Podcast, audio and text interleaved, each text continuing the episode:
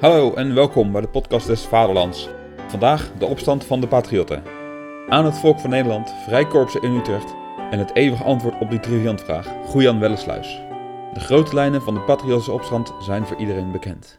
Maar waarom werd aan het volk van Nederland geschreven? Waarom werden de vrijkorpsen opgericht en wat deed Wilhelmina eigenlijk bij Goejan Wellesluis? In deze serie zullen we kijken naar de oorzaken en gebeurtenissen van de laatste echte revolutie in Nederland. Waarom de revolutie van de patriotten? Het is een tijd waar nu een beetje lacherig over gedaan wordt. Burgers die soldaatjes spelen, mensen met gekke pruiken en het allemaal net voordat de Franse tijd begint, waardoor het allemaal een beetje spielerij lijkt. Maar als je kijkt naar de Franse revolutie en de Amerikaanse vrijheidsstrijd, dan hadden de burgers van Nederland helemaal niet zulke radicale ideeën. De Amerikanen wonnen hun vrijheid met de burgermilities en de Franse revolutie veranderde de wereldgeschiedenis. Waarom mislukte dan de Nederlandse opstand en weten wij daar toch maar zo weinig over? Deze serie bestaat uit drie delen. Je luistert nu naar het eerste deel, de aanloop naar de revolutie. Of beter gezegd, waarom is het na de Gouden Eeuw zo misgelopen? Allereerst zullen we kijken naar de republiek zelf. De Republiek der Zeven Verenigde Nederlanden bestond uit zeven provincies, een landschap Drenthe en een aantal gebieden die direct door het centrale gezag bestuurd werden. Deze zeven provincies werkten samen in de Staten-Generaal. Vooral defensie en het buitenlandse beleid werden hierin geregeld. Voor al het overige werd alles op provinciaal geregeld. En binnen elke provincie lagen de machtsverhoudingen anders. Er waren grote steden in Holland, waar vooral Amsterdam de macht had. In Friesland keek men veel naar de Grietmannen. En in Overijssel speelde het ridderschap een belangrijke rol. Politiek van die tijd was dus vooral lokaal en men keek niet naar het langsbelang, maar vooral naar het provinciebelang. Bij dit alles hoorde uiteraard ook nog de stadhouder, en deze had weer zijn eigen machtsbasis. Ons verhaal begint in 1747. De republiek is dan verwikkeld in de Oostenrijkse successieoorlog. Als onderdeel hiervan valt Frankrijk Zeeland binnen en begint aan het beleg van Bergen op Zoom. Hoewel het Franse leger klein is en de inval uiteindelijk weinig militaire gevolgen heeft, is de invloed groot op de binnenlandse politiek. In de 17e eeuw was Frankrijk regelmatig de republiek binnengevallen, had dwars door België gemarcheerd en het hart van de republiek kunnen bedreigen. Als onderdeel van een eerder vredesverdrag had de republiek het recht gekregen een rij van forts te onderhouden en te bemannen aan de Belgische-Franse grens, het zogenoemde Barrière-traktaat. Dit om te voorkomen dat Frankrijk de republiek ooit nog kon bedreigen. Dat de Fransen in Bergen op Zoom konden komen, betekende dat er ergens iets goed mis was gegaan. Voor de gewone Nederlander was de schuldige duidelijk, de regenten. De republiek bevindt zich in 1747 in het tweede stadhouderloze tijdperk. En dat betekent dat de rijkste en belangrijkste families de macht hadden. Deze families schoven elkaar de belangrijkste baantjes toe en waren dus ook, in de ogen van de andere Nederlanders, verantwoordelijk voor het militaire fiasco. Het gevolg is dat het maandenlang onrustig is in de republiek. Rellen en opstootjes vinden overal plaats en de roep gaat steeds meer uit naar een sterke man die het land kan redden. In de context van de republiek betekent dit een oranje. Een oranje die stadhouder moet worden van het hele land. De laatste keer dat dit gebeurde was in het rampjaar 1672, toen de republiek in oorlog was met Frankrijk, Engeland en een aantal bisdommen. De verheffing van stadhouder Willem III betekende uiteindelijk de overwinning in deze oorlog. De enige beschikbare stadhouder in 1747 was die van de Friese tak. En deze was slechts stadhouder van Friesland, Groningen, Drenthe en Overijssel. Dit lijkt indrukwekkend, maar zonder de steun van Holland telde het eigenlijk niet. In 1747 wordt Willem IV stadhouder dankzij de onlusten. Hij wordt stadhouder van de hele republiek en voor het eerst wordt het stadhouderschap erfelijk gemaakt. Daarnaast krijgt de stadhouder veel invloed. Veruit het belangrijkste hierin is het patronagesysteem. Dit systeem houdt in dat de stadhouder veel invloed heeft op het aanstellen van regenten binnen de republiek, waardoor hij het lokale bestuur naar zijn hand kan zetten. Vanuit het perspectief van vandaag lijkt dit niet bijzonder spectaculair. Iemand uit het oranje telg die zijn macht via het erfrecht kan overdragen. Wij zijn eraan gewend en terugkijkend op de geschiedenis lijkt het bijna onvermijdelijk dat de Oranjes zoveel macht zouden krijgen. Alleen in de Republiek was daar altijd veel weerstand tegen geweest. Zoveel weerstand zelfs dat het paar keer bijna op een burgeroorlog leek uit te lopen. Een burgeroorlog tussen de staatse partijen en de Orangisten. Wie de Orangisten waren, dat spreekt voor zich. Het was de partij van de stadhouder. Vooral sterk in het oosten en noorden des lands, en zij wilden historisch gezien een sterk landleger en in alliantie met Engeland. De Staatse partij wilde het precies andersom. De Staatse partij, die vooral in Holland en Zeeland actief was, zag Engeland als de grote concurrent in de internationale handel en wilde bovendien vlootversterking om oorlog met Engeland eh, aan te kunnen. Daarnaast wilden zij een alliantie met Frankrijk. Beide doen, een sterke vloot en een sterke marine, zou betekenen dat de republiek failliet zou gaan, dus een keuze moest gemaakt worden. Uiteindelijk had Willem IV niet heel veel tijd om zijn macht te consolideren. Hij overleed onverwacht op 22 oktober 1751. Zijn latere zoon, Willem V, werd pas na zijn dood geboren. Hij was de eerste en laatste stadhouder die het stadhouderschap zou erven, maar dat zou pas op zijn achttiende gebeuren. Hoe stond de republiek die hij zou leiden ervoor? Daar kunnen we heel kort over zijn, niet goed. De economie lag op zijn gat, bestuurlijk was het land een rommeltje, voor de landsverdediging was geen geld en internationaal was de situatie erg precair. Allereerst de economie. In de 17e eeuw was de republiek de economische grootmacht geweest van Europa. Een sterke handel, een sterk ontwikkelde economie, een belangrijke landbouw en een grote bevolkingsgroei. De republiek was een handelsland, geweest, puur sang. Uit de gehele wereld werden goederen geïmporteerd en deze werden door de lokale industrie verwerkt en daarna aan Europa doorverkocht. Dit was zeer winstgevend. Het was al met al een uitzonderlijke prestatie voor zo'n klein land. Deze prestatie werd alleen mogelijk gemaakt door de zwakheid van de omringende landen. In de 16e eeuw verkeerden Engeland en Frankrijk in tal van politieke crisis, waardoor zij knarsetanden toekeken naar het economische succes van de republiek. In de 18e eeuw besloten zij hier een eind aan te maken. Zij voerden sterke protectionistische maatregelen in die direct gevolgen hadden op de handel van de republiek. De centrale rol van de republiek in de handel en industrie ging hierdoor beetje bij beetje verloren. De industrie had geen afzetmogelijkheden meer en kwijnde daardoor langzaam weg.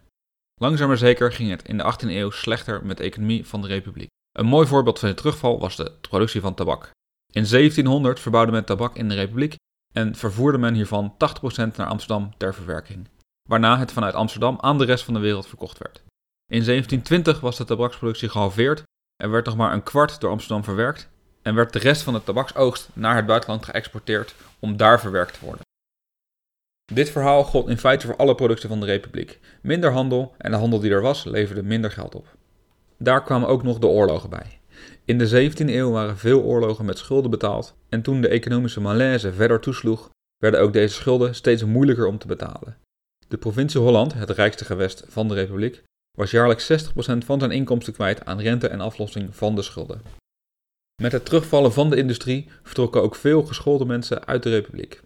Alleen Amsterdam, Rotterdam, Den Haag en Dordrecht wisten haar bevolking vast te houden. Andere steden begonnen te krimpen. Leiden viel terug van 70.000 inwoners in 1688 naar 36.000 inwoners in 1749. De enige echte uitzondering was dus Dordrecht, maar dat kwam omdat zij de enige groeiindustrie van de republiek had, jenever. In Amsterdam was er nog wel een ander lichtpuntje. Amsterdam bleef en werd steeds meer het financiële centrum van Europa.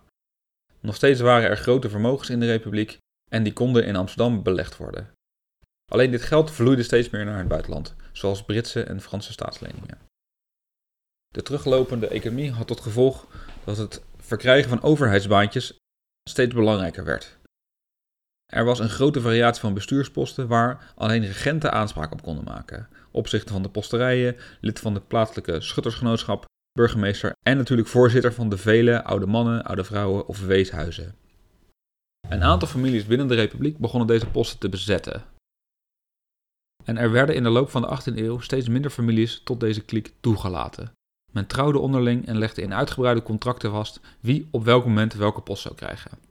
In typische Nederlandse stijl werd het niet alleen geaccepteerd, maar er werd ook belasting op geheven, het zogenaamde ambtsgeld. Het was een betaling die gedaan moest worden aan de overheid, zodra een post aanvaard werd. De komst van het patronagesysteem onder Willem IV bracht natuurlijk wel nieuwe mensen aan de top.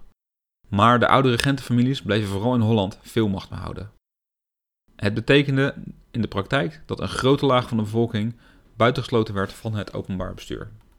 De 18e eeuw staat ook bekend als de eeuw van de verlichting. Een eeuw waarin wetenschap en ratio een steeds belangrijke rol in het publieke debat gingen spelen. Zo ook in Nederland. Waarbij filosofen aan het begin van de 18e eeuw nog. waarbij de filosofen van de Republiek. Waarbij de filosofen van de Republiek. Aan het begin van de 18e eeuw nog voorop liepen in het internationale debat. kregen aan het eind van de 18e eeuw de Nederlandse verlichting een steeds Nederlandser karakter. Waar het bijvoorbeeld in Frankrijk gericht was tegen het katholicisme en de absolute monarchie, was dat in Nederland niet het geval. In de Republiek en in, in de Republikeinse verlichting, in de verlichtingstraditie van de Republiek, keek men naar het verleden. Een verleden waarin men nog geen eeuw geleden een wereldmacht geweest. En nu waren alleen nog, en nu waren alleen nog financiële speculanten en jeneverstokers succesvol. Hoe was dit gebeurd en waarom was de republiek zo afgezakt? Nog niet bekend met moderne economische theorie, nog niet bekend met de moderne economische theorie, dacht men dat het kwam door de slechte moraal van hun tijdgenoten. In plaats van harde werkers was men nu lui salonjonkers, die alleen nog maar aan het rentenieren waren. In het verlichtingsdenken ging men steeds meer op zoek naar de hoofdverantwoordelijke voor dit debakel. Men kwam al snel uit bij de machtigste man binnen de republiek, Willem V en zijn voogd en later adviseur, de hertog van Brunswijk. Zolang Willem V minderjarig was, had de hertog een belangrijke rol binnen het hof. De hertog had alleen geen plan om de republiek te versterken en terug te brengen naar haar oude glorie. Het enige doel van het beleid van de hertog was het versterken en uitbouwen van de macht van de Oranjes. Hoewel de Oranjes veel meer invloed hadden gekregen door het patronagesysteem, begonnen de regenten toch langzaam hun privileges te herwinnen. Zeker zolang Willem V minderjarig was en de macht in feite in handen was van een buitenstander. Toen in 1766 Willem V meerderjarig werd, tekende hij een overeenkomst met de hertog, de akte van consulentschap, waarbij bepaald werd dat de hertog de belangrijkste adviseur van de jonge stadhouder bleef. De republiek was gestagneerd en onder Willem V kwam daar geen verandering in. De republiek was economisch zwak en politiek uiterst kwetsbaar geworden. Een crisis was op handen, maar zolang er geen dramatische dingen gebeurden, kon de status quo gehandhaafd blijven. De aanleiding tot de patriotische opstand was uiteindelijk de Amerikaanse onafhankelijkheidsoorlog. In 1767 verklaarden de Verenigde Staten de onafhankelijkheid en begon zij een oorlog tegen de Britten. Deze oorlog vormde een bron van inspiratie voor de toen opkomende patriotten. Een land van burgers die een eigen leger vormt en de tirannie van de koning verwerpt. Net zoals de republiek in haar gloriedagen. Amerikaanse kapers die met hun schepen in Nederland aankwamen werden toegejuicht en obligaties van de Amerikaanse staatsschuld en werden verkocht op de Amsterdamse beurs. Ook niet onbelangrijk waren de handelsmogelijkheden. Sint Eustatius werd een belangrijke doorvoerhaven voor wapens en goederen aan de rebellen. De verwachting was dat de Britten verzwakt zouden worden door de oorlog en dat de Republiek haar rechtmatige plaats als belangrijke handelsnatie weer kon innemen. Dit was een belangrijke reden voor Amsterdam en Holland om veel steun te geven aan de Amerikanen. De Britten, boos over die steun, dienden uiteindelijk een ultimatum in. Hierin stond dat wanneer de Republiek niet zou stoppen met de handel met de Amerikanen, dat zij alle Nederlandse schepen zouden enteren en opbrengen in Engeland. Ondertussen vond de Engelse marine op een geënterd schip bewijs dat Amsterdam al vergaande handelsverdragen had afgesloten met de Verenigde Staten. Dit overigens zonder dat Willem V hier ook maar iets van afwist. De Britten zagen hierin een aanleiding om op 31 december 1780 de oorlog te verklaren aan de Republiek. De oorlog verliep dramatisch voor de Republiek. Niet verwonderlijk omdat men in de jaren daarvoor niets gedaan had aan vlootvernieuwing of aan versterking van het leger. Kolonies werden overlopen, Sint Eustatius ging verloren en kolonies in West-Guinea en Ceylon werden door de Britten veroverd. Daarnaast werden er voor tientallen miljoenen guldens aan schepen veroverd en opgebracht in Engeland. Het enige wat de vloot van de Republiek daartegen in kon brengen was de slag bij Doggersbank. Toen een gewapend konvooi op 5 augustus 1781 ter nauwernood stand kon houden en veilig kon terugkeren naar een haven in de Republiek. De zeeslag werd in de Republiek gevierd als een overwinning en naar de bevelhebber, admiraal Zoutman, zijn nog steeds straten vernoemd in Nederland. Het enige praktische gevolg van deze zeeslag was een blokkade door de Engelsen en een totale instorting van de economie. Binnen twee maanden gebeurde er iets onverwachts in de Republiek. Op 26 september 1781 werden er vanuit geblindeerde koetsen pamfletten gespreid, getiteld Aan het volk van Nederland. De patriotische revolutie was begonnen. In de volgende aflevering zullen we kijken naar deze patriotten. Wie waren zij en wat wilden zij bereiken? Tot de volgende aflevering, tot de volgende podcast des Vaderlands.